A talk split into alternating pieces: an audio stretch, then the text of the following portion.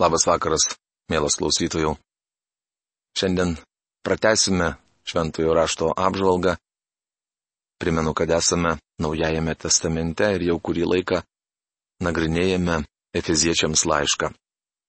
Tai jau mūsų trečioji laida Efeziečiams laiško ketvirtame skyriuje. Priminsiu temą. Bažnyčia yra naujas žmogus, naujo žmogaus atskleidimas Tai jau išnagrinėtos mūsų temos. Ir dabar mes nagrinėjame naujo žmogaus susilaikymą bei draudimai naujam žmogui. Prieš pradėdamas potėmės naujo žmogaus atskleidimas, tolimesnė apžvalga, noriu paprašyti Dievo palaimos. Tėve mes dėkojame tau, kad priešai savo akis galime turėti tavo šventąjį žodį. Ačiū tau, kad tu išlaikėjai jį mums. Ir dėkojame tau, maloningasis Dieve, kad tu sudarai mums sąlygas ir galimybę skelbti jį. Aš prašau dangaus Dieve, kad tu palaimintum mano lūpos ir jos aiškintų ne savo išmintį, bet tavo žodį. Ir prašau, kad palaimintum kiekvieną radio klausytoją, jog jisai galėtų susimastyti, ar iš tikrųjų pažįsta tave tokį, koks tu esi, ir ar pažįsta gerai save, koks jisai yra. Aš prašau, kad tu padėtum kiekvienam žmogui tai pamatyti, o pamačius padaryti svarbiausią sprendimą savo gyvenime. Priimti tave amžinasis Dieve viešpatį ir valdovą į savo širdį.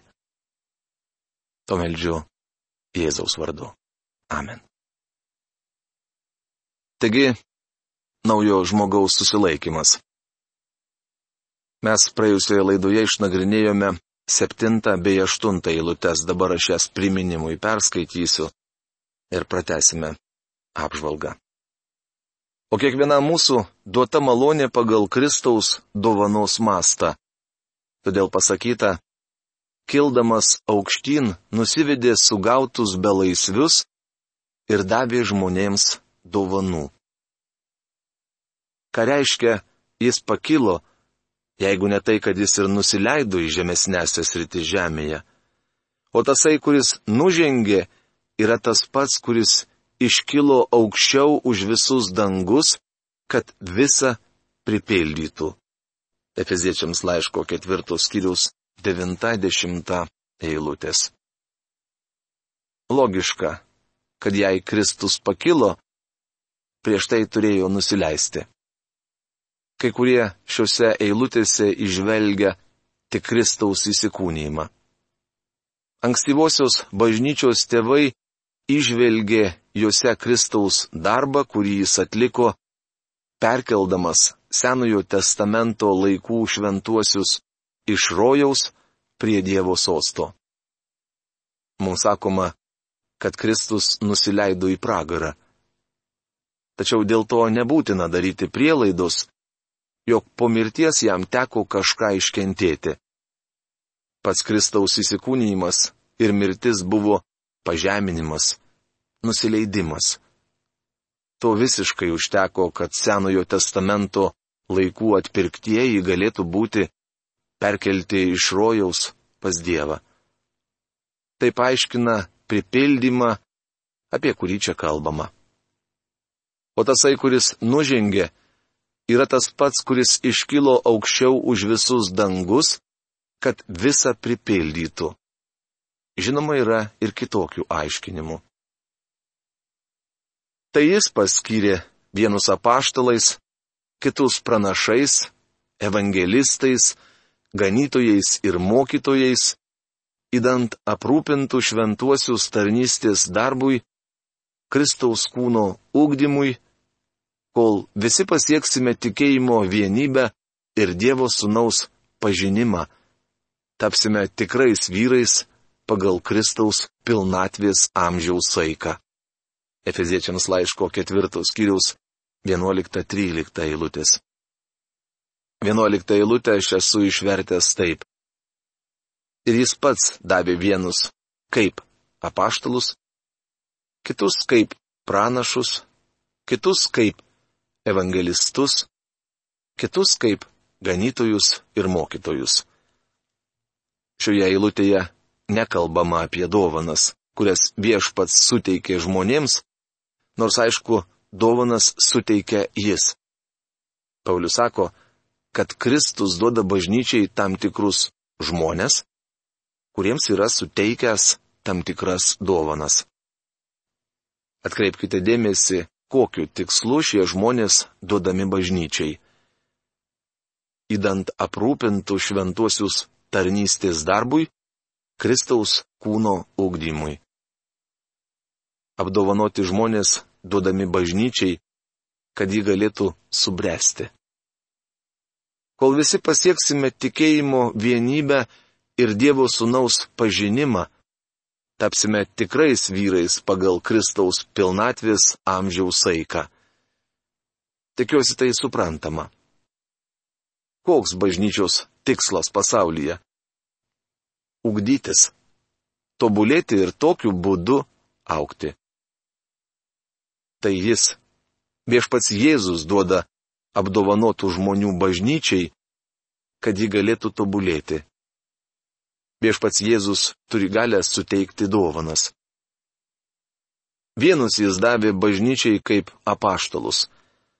Apaštalai ne tik matė prisikėlusi Kristų, bet ir tiesiogiai iš jo gavo asmeninius apaštalystės įgaliojimus.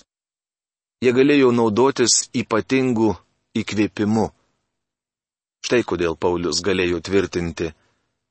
Paulius, pašauktas apaštalų ne žmonių ir ne per žmogų, bet paties Jėzaus Kristaus ir jį prikėlusio iš numirusių Dievo tėvo.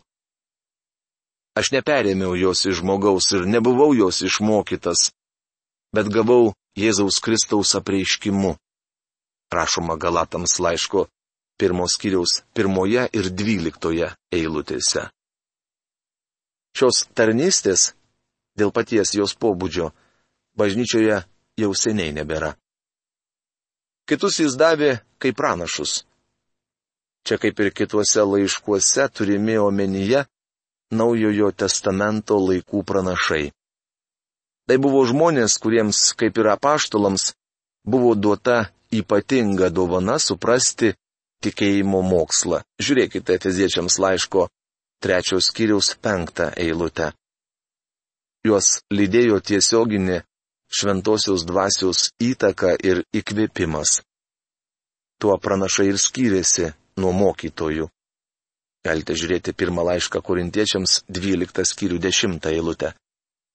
Šiandien ne vienas žmogus nėra apaštalas ar pranašas ta prasme, kurią ką tik apibūdinau apaštalai ir pranašai jau seniai paliko šį pasaulį, tačiau tebėra Kristaus bažnyčiaus nariai.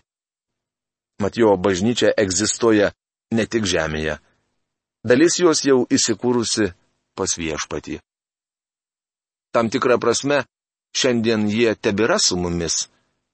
Juk dabar mes studijuojame laišką Efeziečiams. O kas jį parašė? Apaštalas Paulius. Jis vis dar su mumis, nors yra danguje su Kristumi. Šis Dievo vyras jau palikęs kūną ir įsikūręs pas viešpatį. Tačiau mums Paulius tebėra apaštalas ir bažnyčios narys. Kitus kaip evangelistus.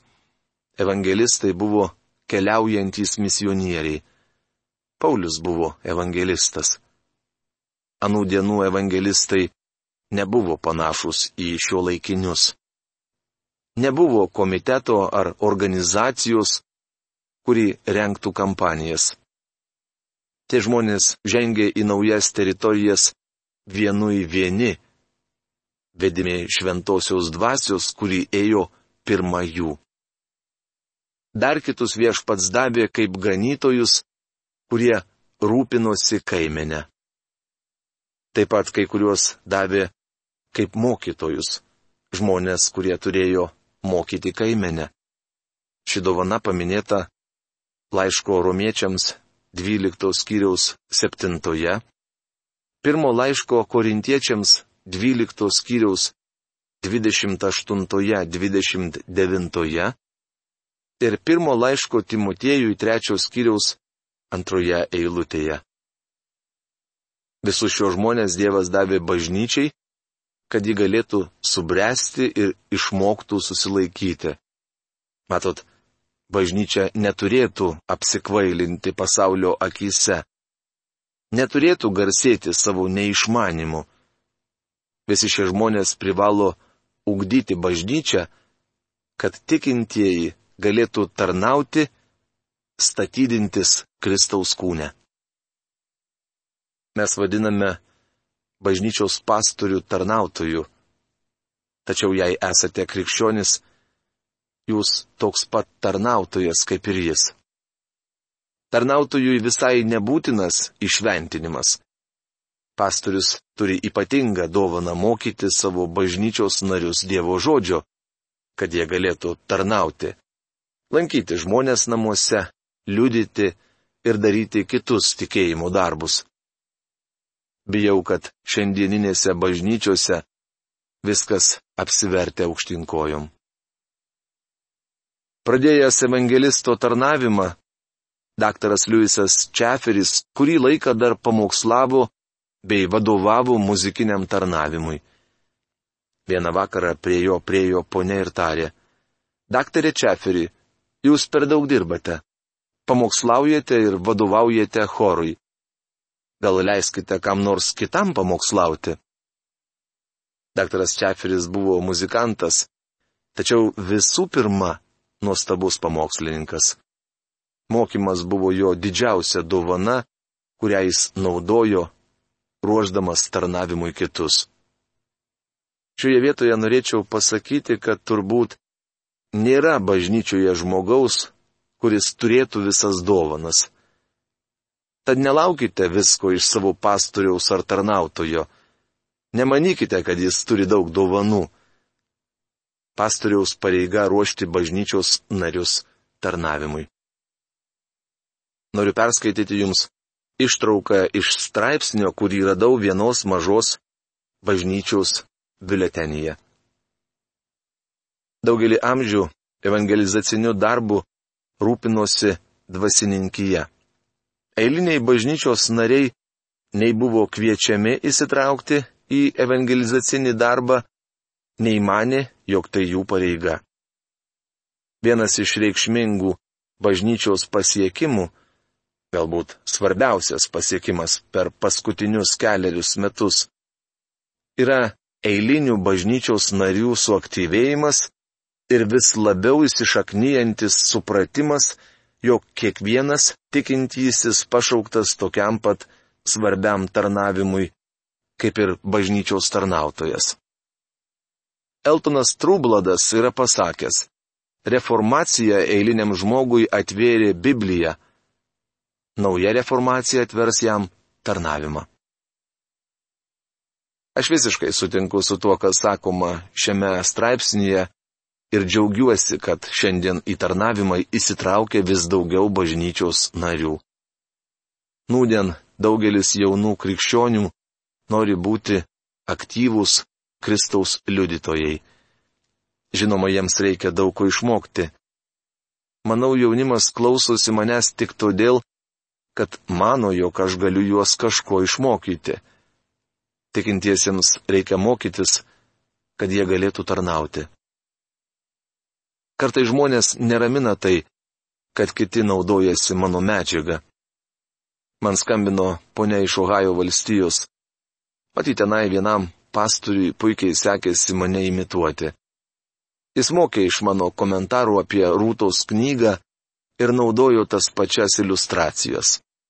Paskambinusi ponia kalbėjo, manau tai baisu, turėtumėte sustabdyti tą žmogų. Aš paklausiau, ar jam gerai sekasi mokyti. Jie atsakė taip. Tuomet tariau šlovė viešpačiui. Aš visuomet maniau, kad atsiras kas nors, kam seksis geriau negu man. Matot, mano darbas - stengtis paruošti tarnavimui kitus. Gavau vieno tarnautojo laišką, kuris norėjo persakyti mano pamokslą ir klausė, ar gali tai padaryti. Aš jam atsakiau, Brolau, Noriu paprašyti jūsų tik vieno. Padarykite tai geriau už mane. Naudokite mano paruoštą medžiagą. Mes turime statydinti Kristaus kūną. Pasakysiu jums labai atvirai. Nesitikėkite, kad pastorius pasirūpins viskuo.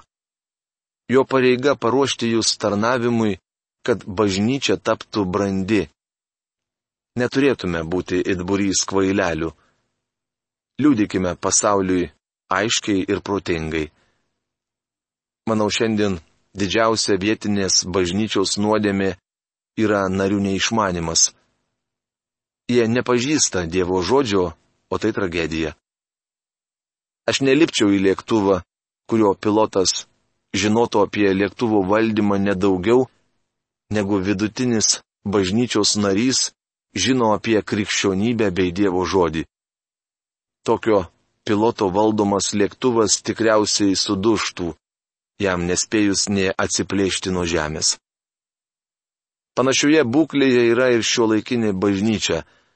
Visus tikinčiuosius reikia mokyti Dievo žodžio, kad jie galėtų tarnauti. Kad nebebūtumėte maži vaikai, cibuojami ir nešiojami bet kokio mokymo vėjelio, žmonių apgaulis, jų gudrumo vedančio į klyskelius. Efeziečiams laiško ketvirtos skyriaus keturiolikta eilutė kad nebebūtumėte maži vaikai. Mums reikia išmokti susilaikyti. Neturėtume būti panašus į būrį klykiančių naujagimių. Kaip pamenate, Paulius vadino Korinto bažnyčios tikinčiuosius kūdikiais Kristuje. Sakė, jog jie yra kūniški ir elgesi gėdingai. Mes neturėtume būti, kaip verčia profesorius Algirdas Jurienas, bangų blaškomi ir visokio mokslo vėjo šian bei ten nešiojami.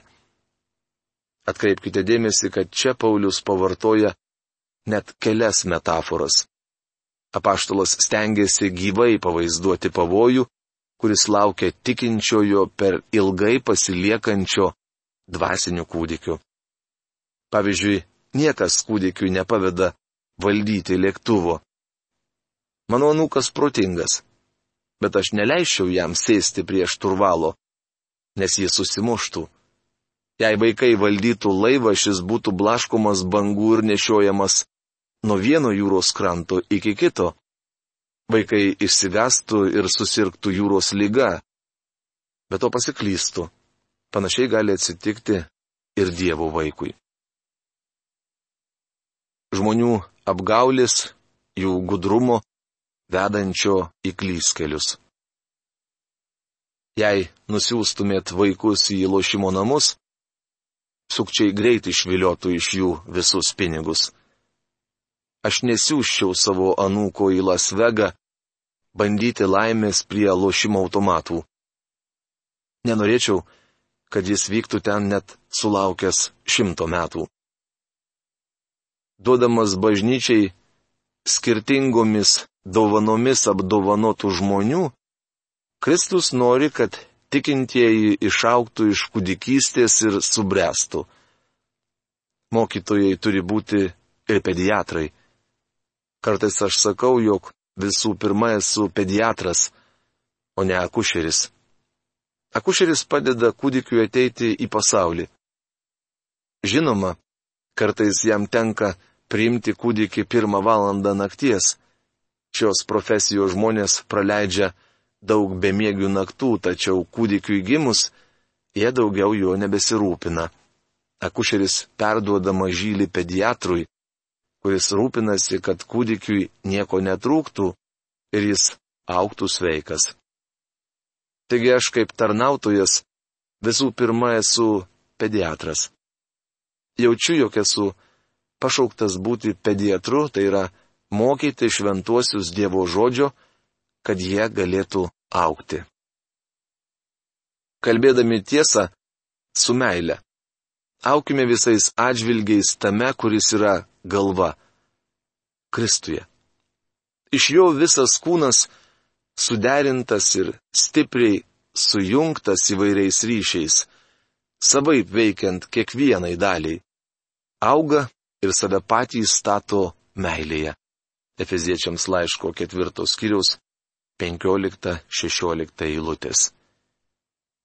Tikintieji neturi likti vaikai, bet kalbėdami tiesą su meile aukti visais atžvilgiais.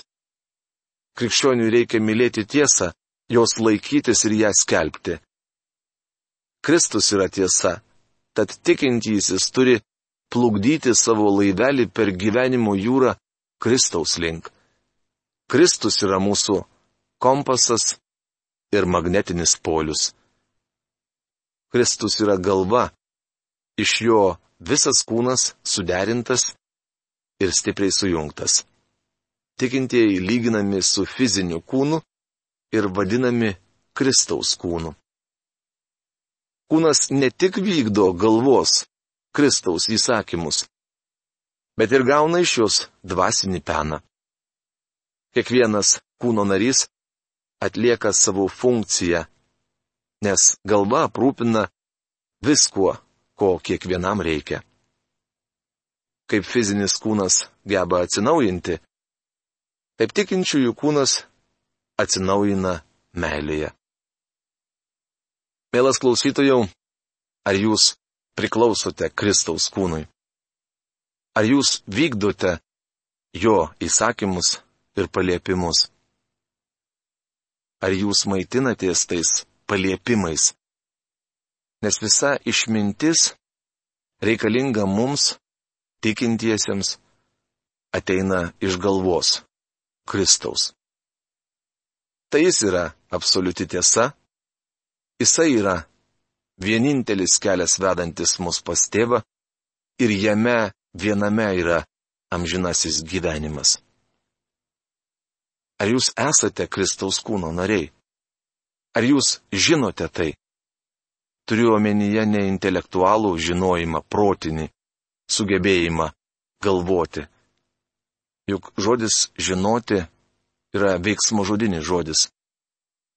Ar jūs taip gyvenate? Jeigu jūs šie klausimai neramina, tai mūsų laidos pasiekė tikslą. Aš linkiu jums gauti atsakymą. Iki kito sustikimo. Sudė.